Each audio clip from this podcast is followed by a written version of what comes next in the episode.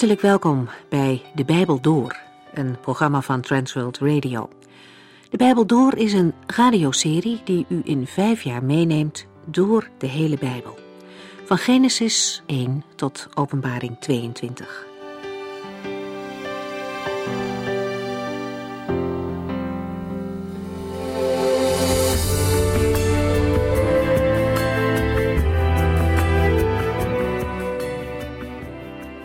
Paulus gaat in 2 Korintiërs hoofdstuk 5 door met zijn boodschap over het betrekkelijke van dit leven. Vergelijk het maar met een tent, zegt de apostel. Ons aardse leven is als een tent, tijdelijk opgezet en lang niet zo stevig als een echt huis. Voor een poosje kun je er prima in wonen en er ook van genieten, maar het is en blijft tijdelijk. Op een dag wordt die tent weer afgebroken om naar huis te gaan. En zoals je na een vakantie weet dat er weer een huis wacht, zo weten we als christenen ook dat er een eeuwig huis in de hemel wacht. Paulus heeft het daar al vaker over gehad, maar het is belangrijk genoeg om ons daar steeds weer van bewust te zijn. Met verschillende beelden laat Paulus in dit gedeelte zien dat ons aardse lichaam tijdelijk is en dat we bij de Heere God een veel mooier, volmaakt hemels lichaam zullen krijgen. Een huis in plaats van een tent. In deze tijd ervaren we nog allerlei moeilijkheden. Ieder mens heeft met lijden en gebrokenheid te maken, de een meer dan de ander en elk ook weer verschillend. Maar in dat lijden mogen we uitzien naar de dag dat we bij de Heere God onze intrek mogen nemen. En dat geeft ons moed, ondanks de situaties in dit leven. Paulus schrijft ook aan de Filippenzen: Het leven is voor mij Christus en sterven is winst. Voor altijd bij de Heere te zijn, gaat toch ver uit boven de mooiste zegeningen op aarde. En daarom hoeven we straks ook niet bang te zijn om te sterven. Voor een christen is dat thuiskomen. En daar mogen we naar uitkijken. Dat is iets heel anders dan levensmoe zijn. Een gelovige kan volop genieten van het goede dat God op aarde geeft. En toch uitkijken naar de grotere heerlijkheid om eens aan het eind van je leven bij God te mogen zijn. Door dit perspectief is het hoogste doel van een christen te doen wat God graag wil.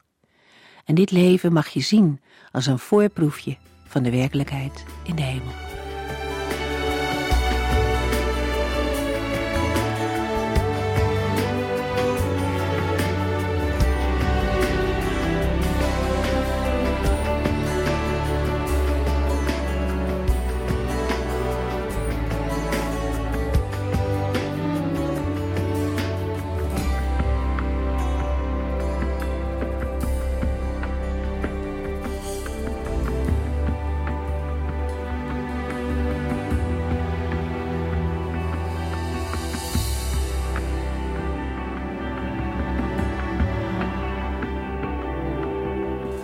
De vorige uitzending hebben we stilgestaan bij de rechterstoel van Christus.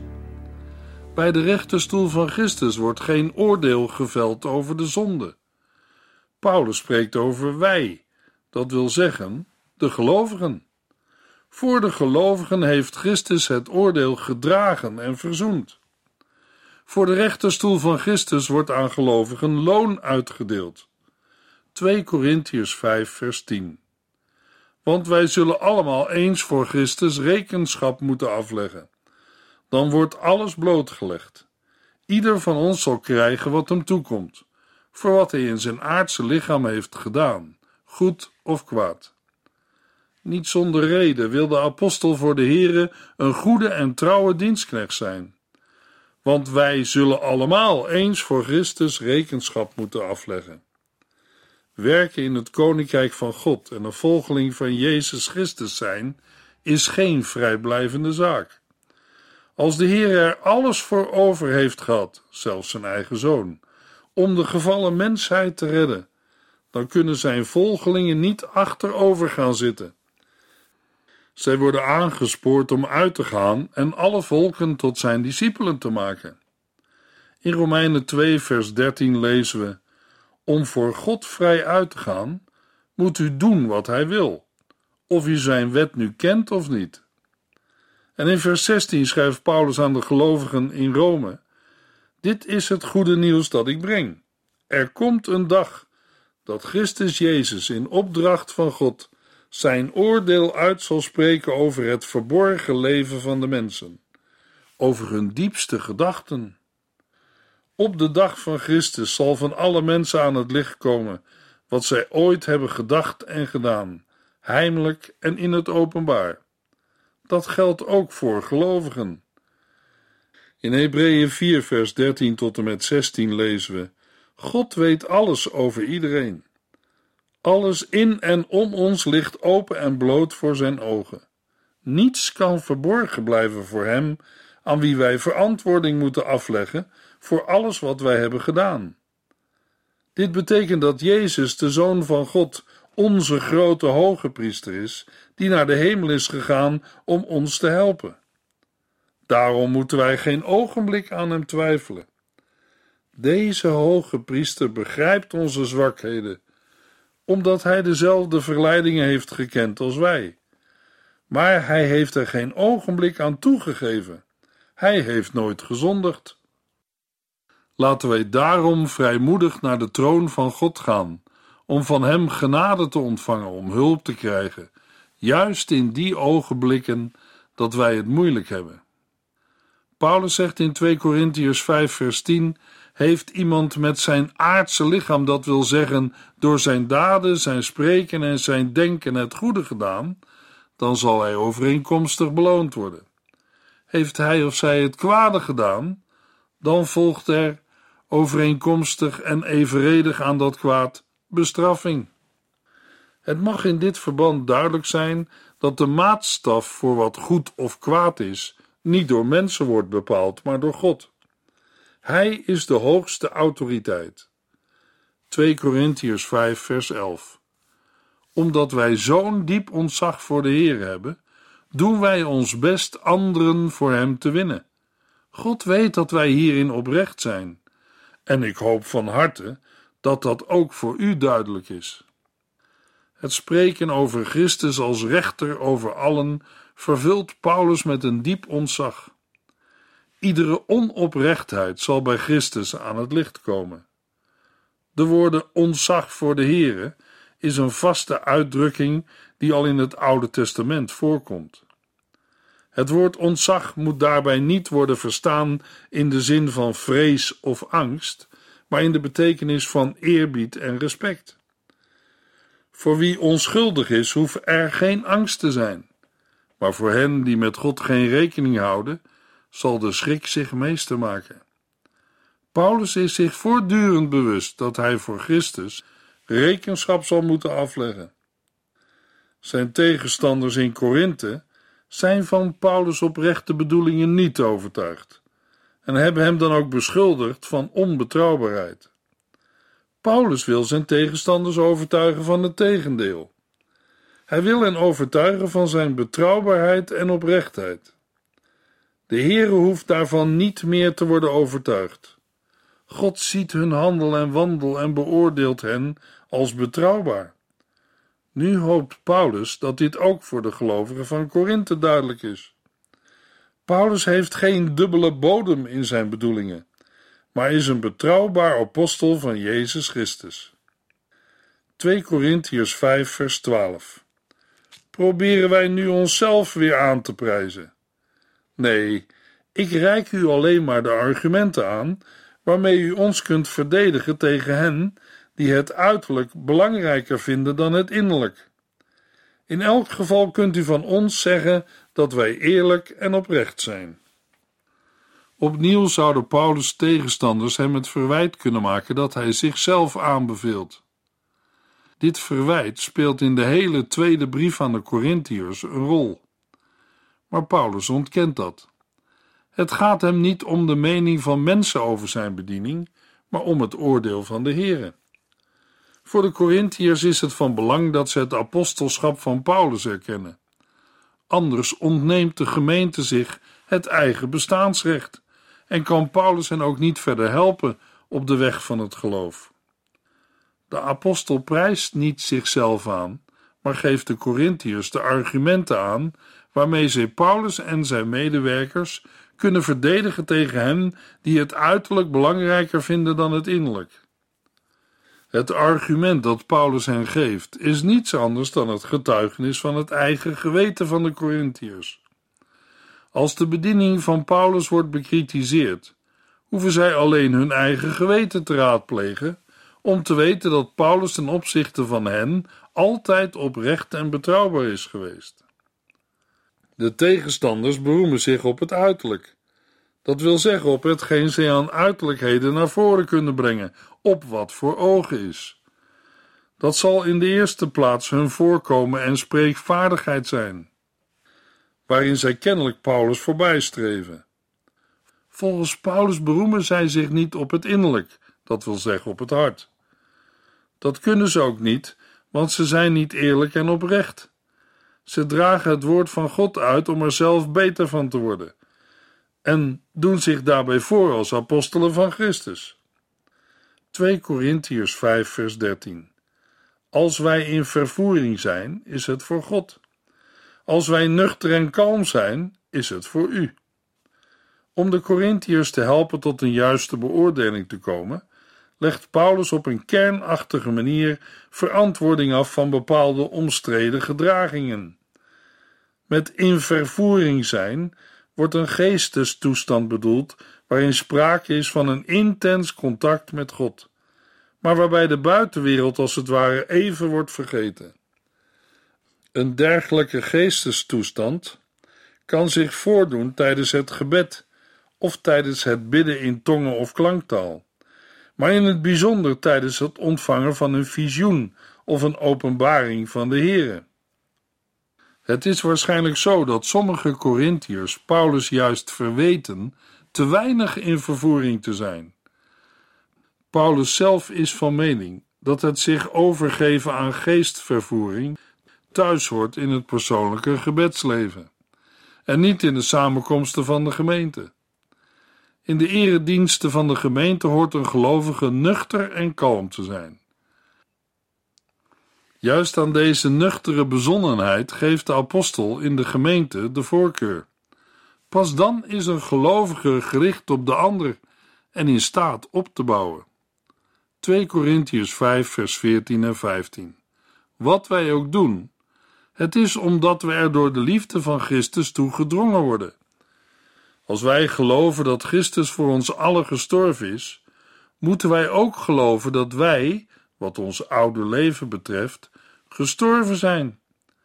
Hij is gestorven opdat allen die van hem eeuwig leven kregen, niet langer voor zichzelf zullen leven, maar voor Christus, die voor hen gestorven en weer levend geworden is.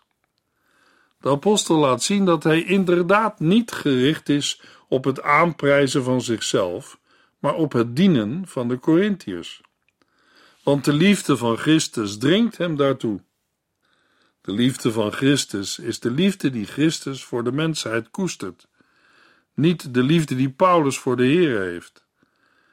Deze liefde van Christus voor de verloren mensheid bepaalt volledig het leven van Paulus en verhindert hem om aan zichzelf te denken.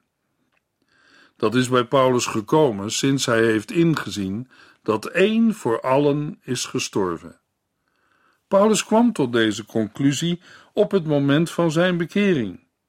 Toen ging hij ineens inzien dat de kruisiging van Jezus geen tragisch incident was, maar een doelgerichte daad van Gods liefde. Christus is voor allen gestorven. Als Christus plaatsvervangend in plaats van allen voor ons is gestorven, dan zijn wij, alle gelovigen, eigenlijk gestorven. In zijn beknoptheid slaat Paulus een aantal stappen over. Maar voor de Corinthiërs die van Paulus les hebben gekregen, is zijn gedachtegang duidelijk. Paulus bedoelt dat allen die door het geloof en de doop met Christus zijn verenigd, deel hebben aan zijn sterven aan het kruis. Hun oude zondige leven en levenswijze is met hem gekruisigd en heeft sindsdien zijn geldingskracht verloren. Opnieuw is Paulus in vers 15 zeer beknopt, omdat de Corinthiërs het achterliggende onderwijs heel goed kennen. Nogmaals schrijft de apostel: Christus is voor ons allen gestorven.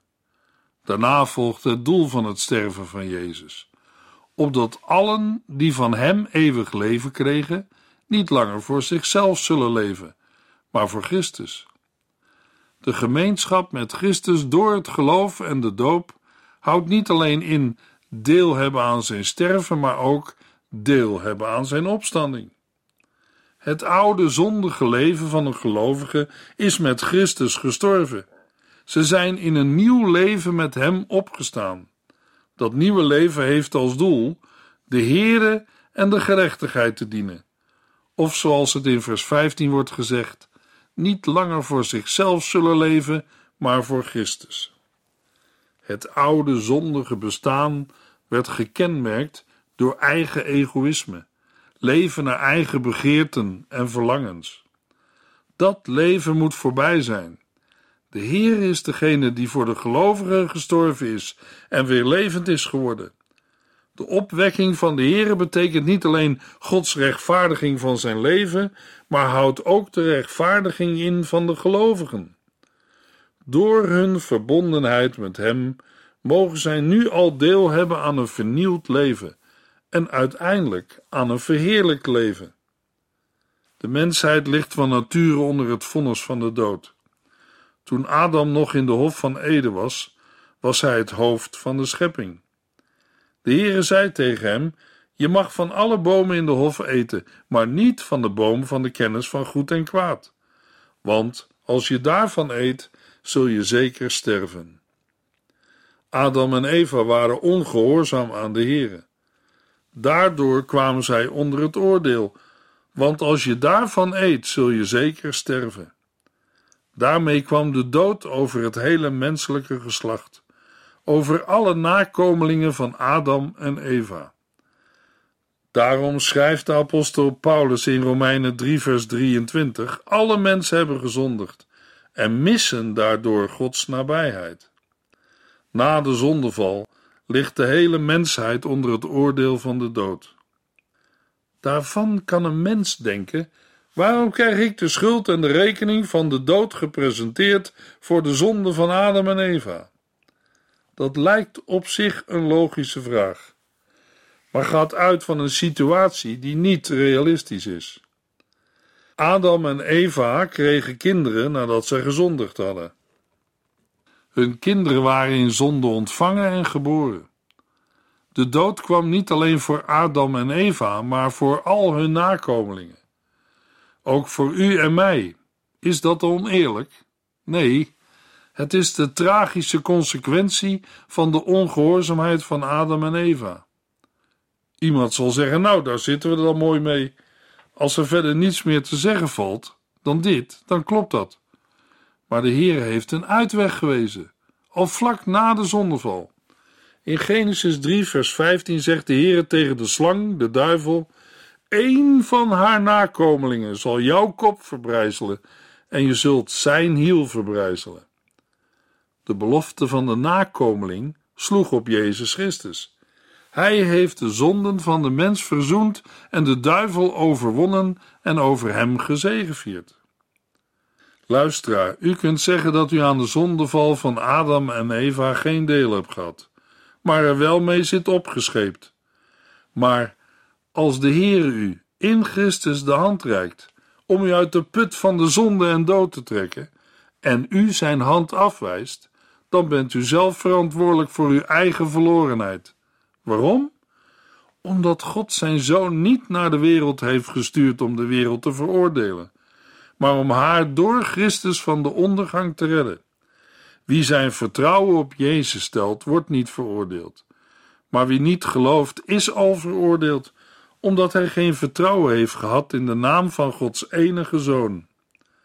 Dan wordt de mens niet veroordeeld omdat hij of zij in Adam en Eva in zonde is gevallen, maar omdat hij of zij het verlossingswerk van Christus niet heeft aanvaard. Waarom heeft de Heere de zondeval niet voorkomen? Omdat de Heer een relatie op basis van liefde wil met mensen. Binnen een liefdesrelatie wordt er niets afgedwongen, maar is alles gebaseerd op eigen verantwoordelijkheid en een eigen keuze. Dat is het kwetsbare van geloven. Een mens kan ook besluiten om God niet te geloven en zonder God door het leven te gaan. In dat geval zijn de consequenties van die keuze ook voor de betrokkenen. In dit leven moet het bij ieder mens tot een keuze komen aangaande Jezus Christus. Hij kwam naar deze aarde vanuit de hemel tot redding van mensen. Hij was zonder zonde, heilig, onschuldig, onbesmet en afgezonderd van de zondaren. Hij kwam op deze wereld om u, jou en mij te redden. Hij was ervan overtuigd dat wij mensen zonder hem verloren zijn. Niet omdat wij naar de mens gesproken niets meer bezitten, maar omdat wij God kwijt zijn. In Efeziërs 2, vers 4 tot en met 9 lezen we: Maar Gods liefde voor ons is zo groot dat Hij ons volledige gratie heeft verleend, zelfs al waren wij door onze overtredingen dood voor Hem. Hij heeft ons samen met Christus levend gemaakt.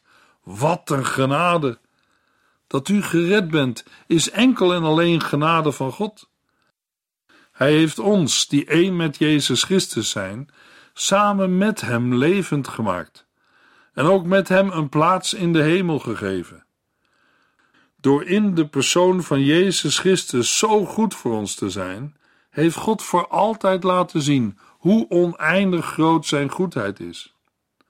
Door uw geloof in Hem bent u gered, en dat komt door Zijn genade.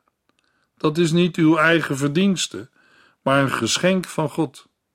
Niemand zal zich erop kunnen beroemen het zelf gepresteerd te hebben. Apostel Paulus heeft het ontdekt en ervaren.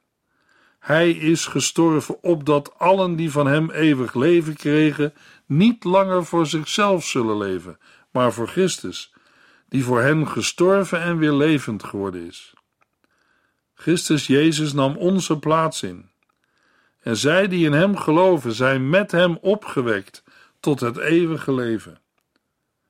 Nu horen onze levens aan Hem te zijn toegewijd, opdat wij van nu af aan zullen leven tot eer van God. Paulus getuigt radicaal: Daarom leef ik zelf niet meer, maar Christus leeft in mij. Zolang ik nog in dit lichaam ben, leef ik door het geloof in de Zoon van God. Hij hield zoveel van mij dat hij zijn leven voor mij heeft gegeven. Wat God in zijn genade heeft gedaan, wil ik niet onderschatten. Want als wij het met God in orde konden maken door de Joodse wet te houden, zou Christus voor niets gestorven zijn. 2 Korintiërs 5 vers 16 Houd er dus mee op, gelovigen naar hun uiterlijk te beoordelen, of naar wat men over hen zegt. Ik heb zelf de fout gemaakt zo over Christus te denken en hem alleen als een mens te beschouwen. Maar dat is nu wel anders. In tegenstelling tot zijn tegenstanders, die op hun uiterlijke kwaliteiten roemen en anderen op hun uiterlijkheden beoordelen, wil Paulus zijn medegelovigen alleen kennen en beoordelen als nieuwe schepping. Paulus wil zich onderscheiden van zijn tegenstanders. Houd er dus mee op gelovigen naar hun uiterlijk te beoordelen of naar wat men over hen zegt. Aangezien alle gelovigen met Christus zijn gestorven en nu in hun nieuwe leven gemotiveerd worden door hun liefde tot God, wil Paulus hen ook als zodanig kennen en beoordelen, en niet langer naar hun uiterlijk. Paulus zegt: Wij kennen en beoordelen nu niemand meer naar zijn menselijke eigenschappen en kwaliteiten bijvoorbeeld naar zijn of haar afkomst, joods of Grieks, naar rijkdom, sociale status, slaaf of vrij, geslacht, kennis, welsprekendheid of uiterlijke verschijning. Dan volgt een verrassend voorbeeld. Ik heb zelf de fout gemaakt zo over Christus te denken en hem alleen als een mens te beschouwen, maar dat is nu wel anders. Wij kunnen ons door deze woorden niet aan de indruk onttrekken dat Paulus de Heer Jezus in levende lijven heeft gezien. Bijvoorbeeld tijdens een van de bezoeken van de heiland in Jeruzalem. Dat is best mogelijk omdat Paulus in Jeruzalem is opgeleid. We weten het niet zeker, maar het kan. Hoe het ook zij, Paulus had Christus beoordeeld als een mens, dat wil zeggen als de zoon van een timmerman. Niet gestudeerd, een arme Galileër met ongegronde messiaanse ambities, die zijn ambitie terecht met de dood had moeten bekopen. Maar sinds zijn bekering was het Paulus duidelijk geworden dat Jezus Christus de Zoon van God was, die, gedreven door de liefde, de weg van het kruis ging.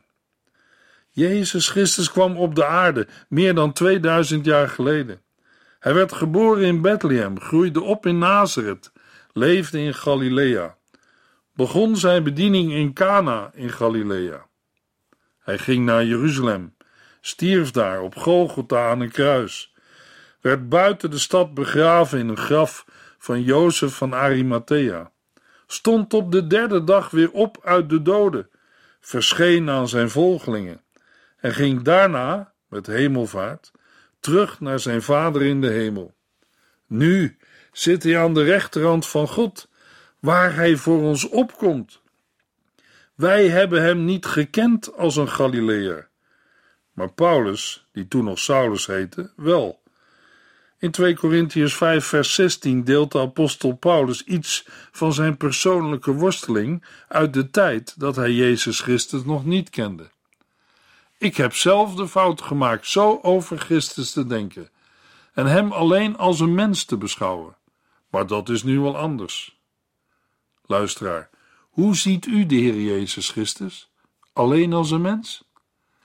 In Matthäus 16, vers 13 tot en met 17 vraagt de Heer Jezus aan zijn leerlingen: Wie ben ik?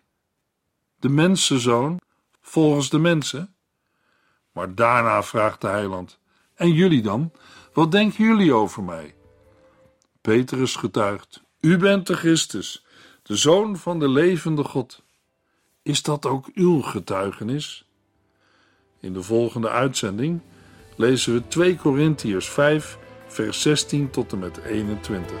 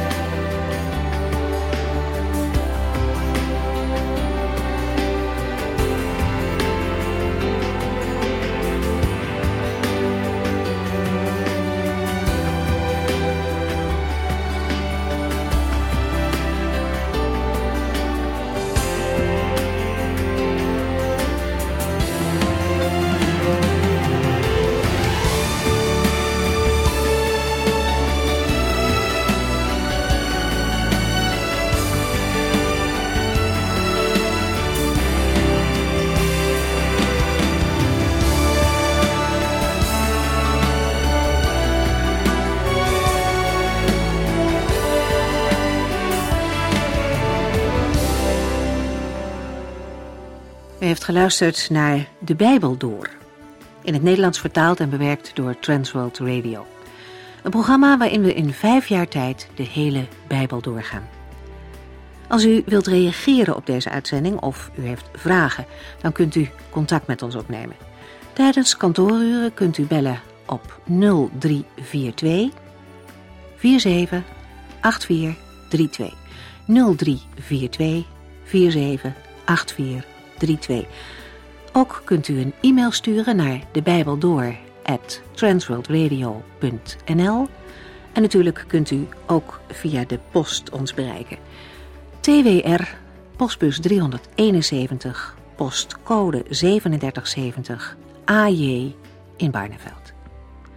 Dit programma werd gepresenteerd door Cor Weda en Ike André. Techniek was in handen van Odin van Woerdekom. En wij allemaal bedanken u voor het luisteren. Graag tot de volgende keer.